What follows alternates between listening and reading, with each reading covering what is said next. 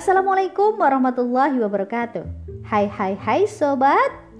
Podcast Narasi Pos Media kembali menyapa ruang dengar Anda yang dipersembahkan oleh narasipos.com. Cerdas dalam literasi media, bijak menangkap peristiwa kunci. Kali ini ditemani oleh saya Mels dalam rubrik Opini dengan tema Menemukan Kemerdekaan Hakiki dalam Islam oleh Emma Darmawati. Bangsa ini telah merayakan kemerdekaannya. Kemerdekaan yang telah diperjuangkan dengan darah para pahlawan, mengusir penjajah lenyap dari bumi pertiwi. Era telah berganti, kemerdekaan diperingati namun terasa hilang esensi. Diisi keriuhan berbagai lomba, berbagai seremonial peringatan setelahnya usai menjadi tanda tanya yang mendasar. Apa makna merdeka? Sudahkah kita benar-benar merdeka dan menikmati kemerdekaan? Apakah kita sudah merdeka? Merdeka identik kebebasan, bebas menjalani kehidupan tanpa ada tekanan dari pihak mana pun, bebas tanpa intervensi siapa pun, dan tidak dijajah oleh apa pun. Pertanyaannya, sudahkah kita demikian?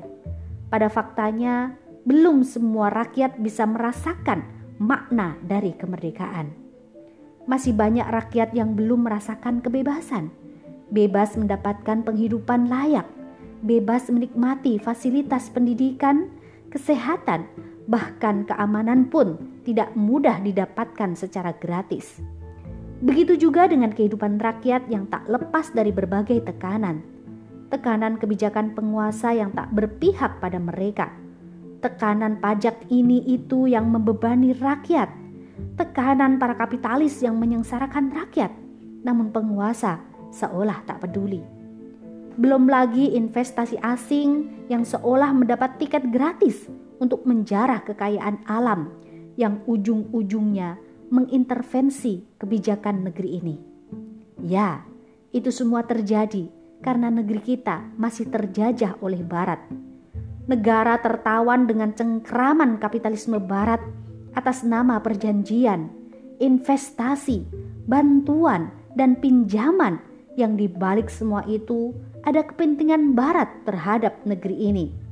Sehingga mau tidak mau pemerintah mengeluarkan berbagai kebijakan yang mendukung proyek barat.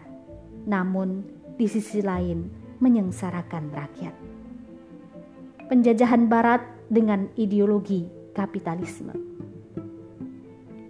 Sejak dulu Barat sudah mencengkeram dunia dengan penjajahannya di berbagai wilayah, termasuk menyebarkan paham-paham pemikiran yang tidak sesuai dengan fitrah manusia.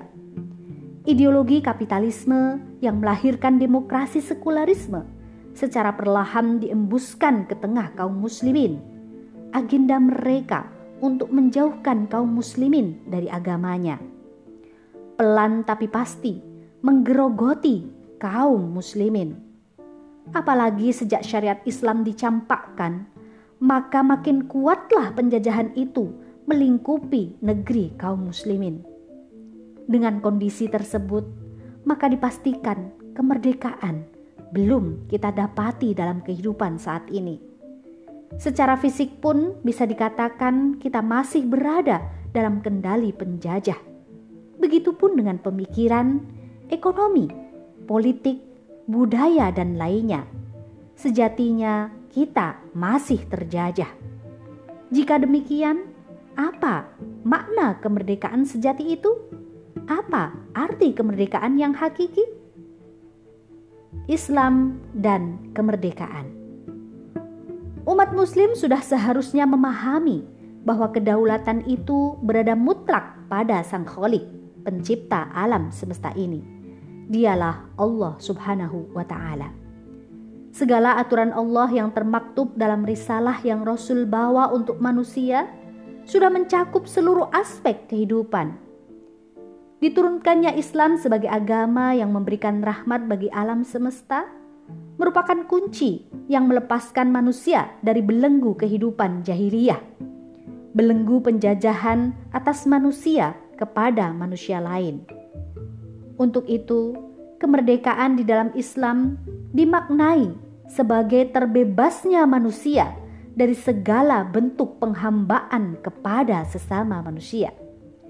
Dengan kata lain, Islam menghendaki agar manusia benar-benar merdeka dari segala bentuk penjajahan, eksploitasi, intervensi, kezoliman, ketidakadilan, dan penghambaan terhadap manusia lainnya.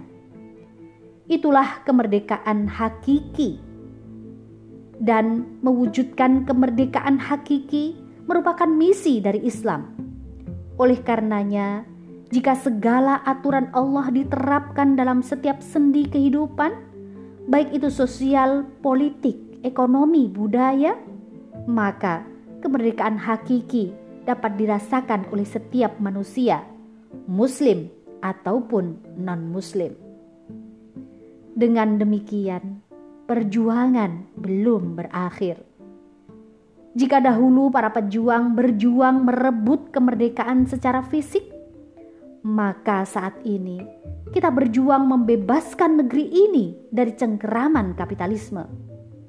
Kita enyahkan pemikiran sekuler demokrasi Barat, dan kita kembalikan pemikiran yang lurus tentang Islam di tengah-tengah masyarakat. Itulah perjuangan yang harus kita lalui demi meraih kemerdekaan hakiki.